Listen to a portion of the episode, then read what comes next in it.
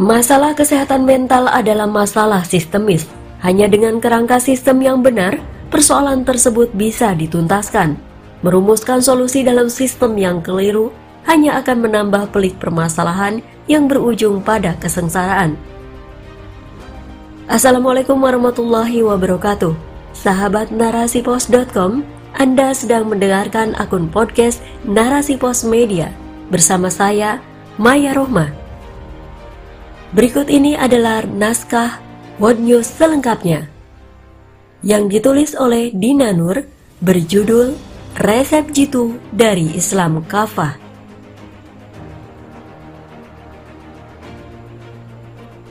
Gang kotor di sudut Los Angeles menjadi mimpi buruk Amerika Serikat.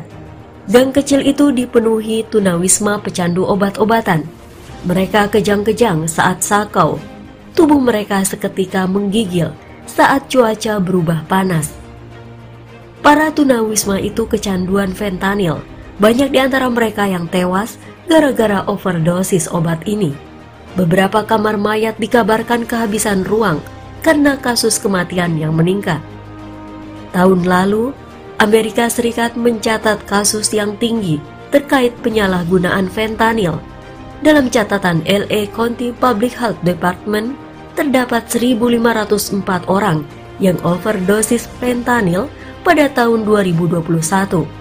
Angka ini naik 14 kali dari tahun 2016 yang tercatat ada 109 orang overdosis akibat mengonsumsi fentanyl. Kenapa banyak tunawisma di AS yang meninggal karena overdosis? Adakah kaitannya dengan kesehatan mental? Apa yang menyebabkan masyarakat terkena gangguan mental? Lalu, bagaimana Islam memberikan solusi terkait permasalahan ini. Fentanyl, obat pereda yang berbahaya.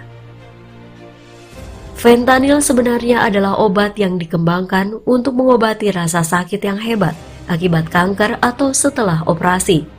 Fentanyl juga bisa dipakai sebagai obat bios atau obat tambahan untuk meningkatkan efek obat bios saat operasi. Fentanyl adalah obat yang sangat kuat. Ia tidak boleh dipakai sembarangan dan harus sesuai resep dokter.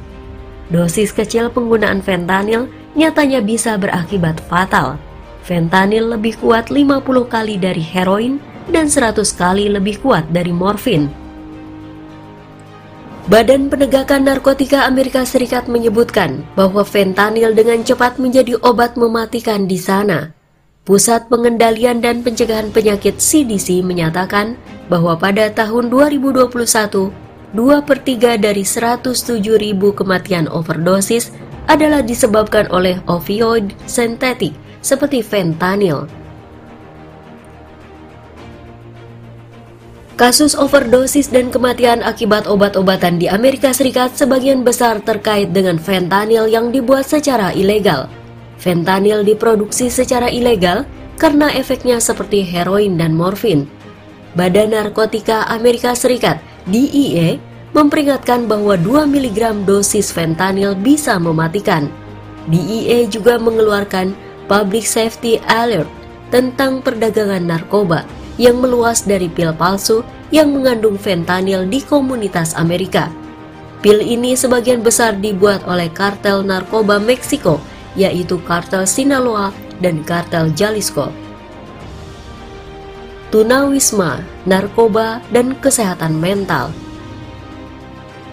Penyalahgunaan narkoba dan tunawisma berkaitan dengan gangguan mental. Los Angeles Times menemukan bahwa 51% dari kelompok tunawisma mempunyai gangguan mental dan 46% memiliki gangguan penggunaan zat terlarang. Krisis obat penenang menjadi salah satu penyebab meningkatnya tunawisma di AS selain kondisi ekonomi yang buruk. Kecanduan obat penenang bisa membuat hubungan dengan keluarga retak, sehingga anggota keluarga tersebut memilih keluar dari rumah.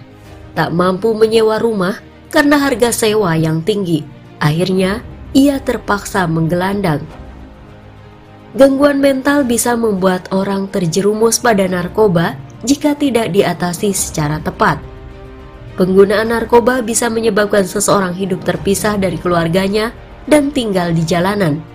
Kondisi buruk ini saling berkaitan satu sama lainnya dalam sistem kehidupan yang tengah berjalan sekarang.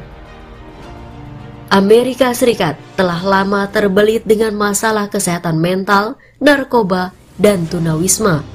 Berbagai upaya sudah dilakukan. Salah satunya adalah yang dilakukan oleh Gubernur California, Gavin Newsom. Ia telah menandatangani rancangan undang-undang yang diharapkan dapat memperbaiki situasi mengenai tunawisma. Aturan baru itu memungkinkan untuk memaksa penderita penyakit mental parah untuk menjalani pengobatan. Sayangnya, menurut aturan tersebut, hanya mereka yang didiagnosis dengan gangguan tertentu seperti skizofrenia yang bisa mendapat perawatan. Sementara yang mengalami kecanduan saja tidak cukup untuk bisa dirawat.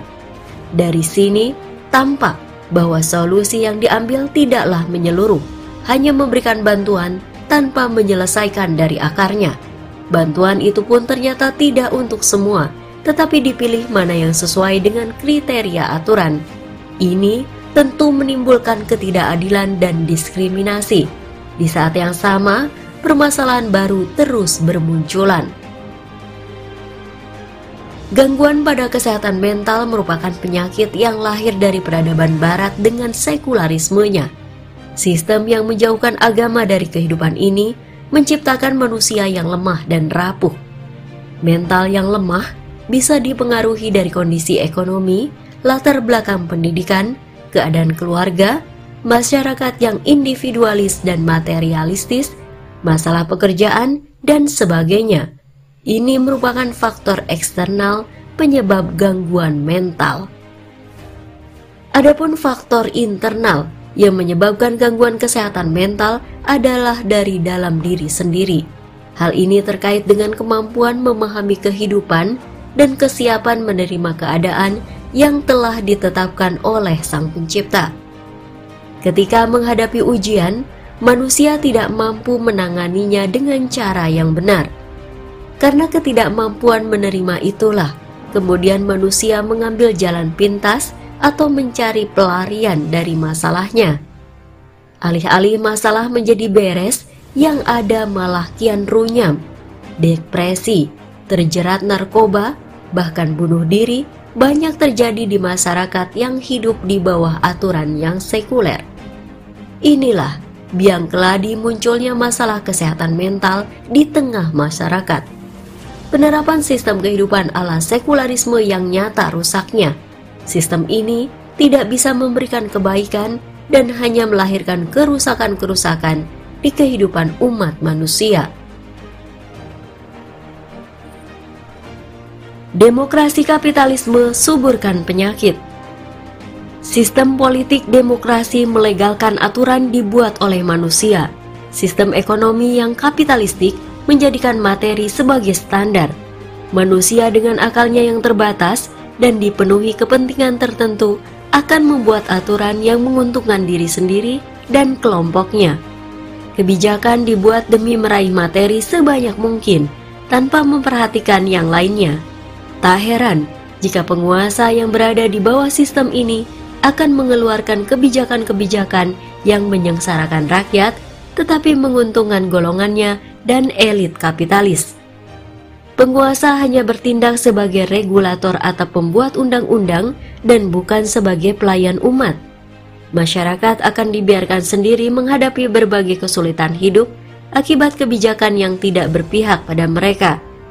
Harga-harga kebutuhan hidup yang terus naik, PHK massal, pengangguran, sulitnya mencari pekerjaan, dan tidak adanya jaminan dari negara membuat rakyat makin menderita.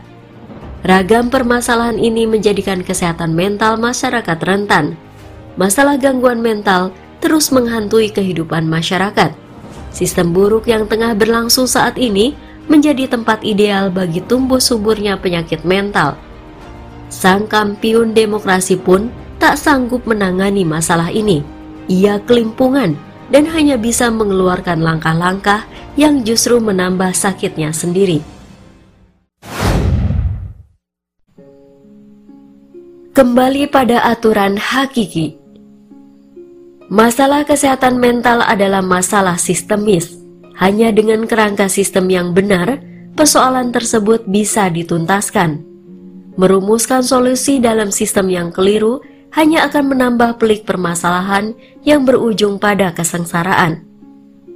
Gangguan kesehatan mental yang melanda Amerika juga dialami oleh negara-negara pengikutnya.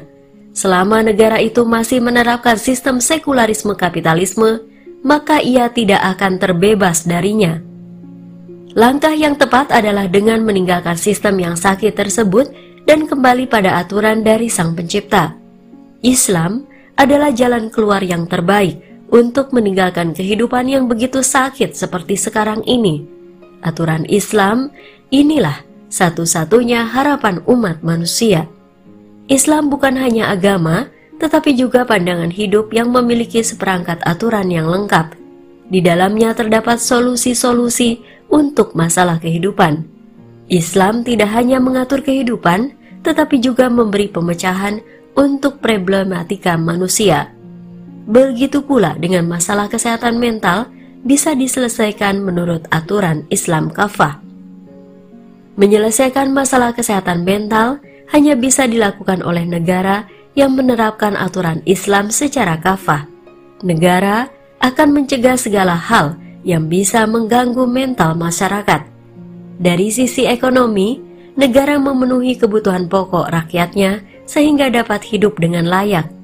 Rakyat tidak kesulitan mencari pekerjaan atau mencari nafkah untuk menghidupi keluarganya. Kebutuhan akan tempat tinggal pun tersedia bagi rakyat sehingga tidak ada yang hidup menggelandang tanpa rumah. Dari sisi kesehatan, negara akan menyediakan berbagai fasilitas kesehatan yang dibutuhkan masyarakat. Pelayanan kesehatan ini terjangkau, berkualitas, dan merata. Tidak ada diskriminasi. Bagi mereka yang mengalami gangguan kesehatan mental, negara akan memberikan rehabilitasi medis dan non-medis tanpa melihat latar belakangnya. Siapa saja yang mengalami permasalahan, baik ringan atau berat, akan mendapatkan pelayanan terbaik dari negara rakyat juga tidak akan pusing memikirkan biaya pengobatannya sehingga bisa fokus dengan pemulihan kesehatan. Dengan tercukupinya kebutuhan hidup dan kesehatan yang baik, keluarga bisa menjalankan fungsinya sebagai madrasah pertama bagi anak-anak. Ayah dan ibu akan mendidik anak-anaknya sebaik mungkin sesuai syariat Islam. Dari sisi pergaulan masyarakat, negara akan menatanya sesuai syarat. Ada pemisahan antara pria dan wanita sehingga tidak ada kholwat dan ikhtilat. Pertemuan antara keduanya hanya diperbolehkan dalam hal yang telah ditetapkan oleh syariat, seperti dalam aktivitas jual beli, pendidikan, kesehatan, dan kebutuhan mendesak lainnya. Negara akan melarang pergaulan bebas di tengah masyarakat yang bisa menciptakan bermacam kerusakan seperti zina, narkoba, penyimpangan seksual, bullying, gangguan mental, dan bunuh diri. Dari sisi hukum, negara akan menerapkan hukum Islam dan membuat hukum yang bersandar pada Al-Quran dan Sunnah. Hukum tersebut mampu mencegah terjadinya pelanggaran dan memberikan sanksi yang tegas bagi pelakunya hingga menimbulkan efek jerak. Dengan hukum yang seperti itu, tidak ada lagi pelanggaran dan kemaksiatan yang dibiarkan bebas hingga bisa merugikan lebih banyak orang. Setiap orang juga akan patuh pada hukum yang berlaku. Inilah resep jitu Islam kafah untuk mengobati masyarakat yang sakit akibat penerapan aturan sekularisme kapitalisme. Hanya dengan mengikutinya saja, masyarakat akan pulih dari kesakitannya yang parah.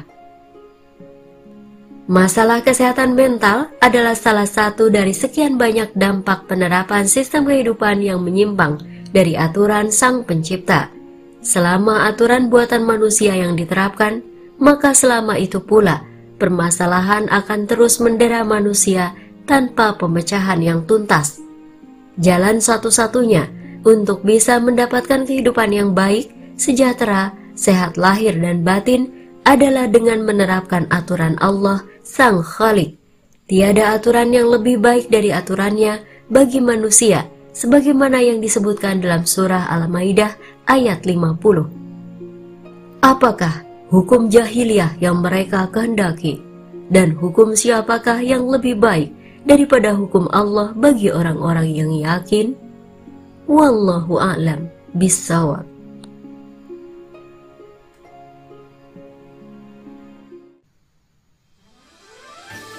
Sahabat, itulah opini kali ini. Konten ini bisa Anda baca secara gratis. Silahkan kunjungi www.narasipos.com. Terima kasih telah mendengarkan. Saya Maya Rohmah. Sampai jumpa di episode berikutnya. Narasi Pos, cerdas dalam literasi media, bijak menangkap peristiwa kunci.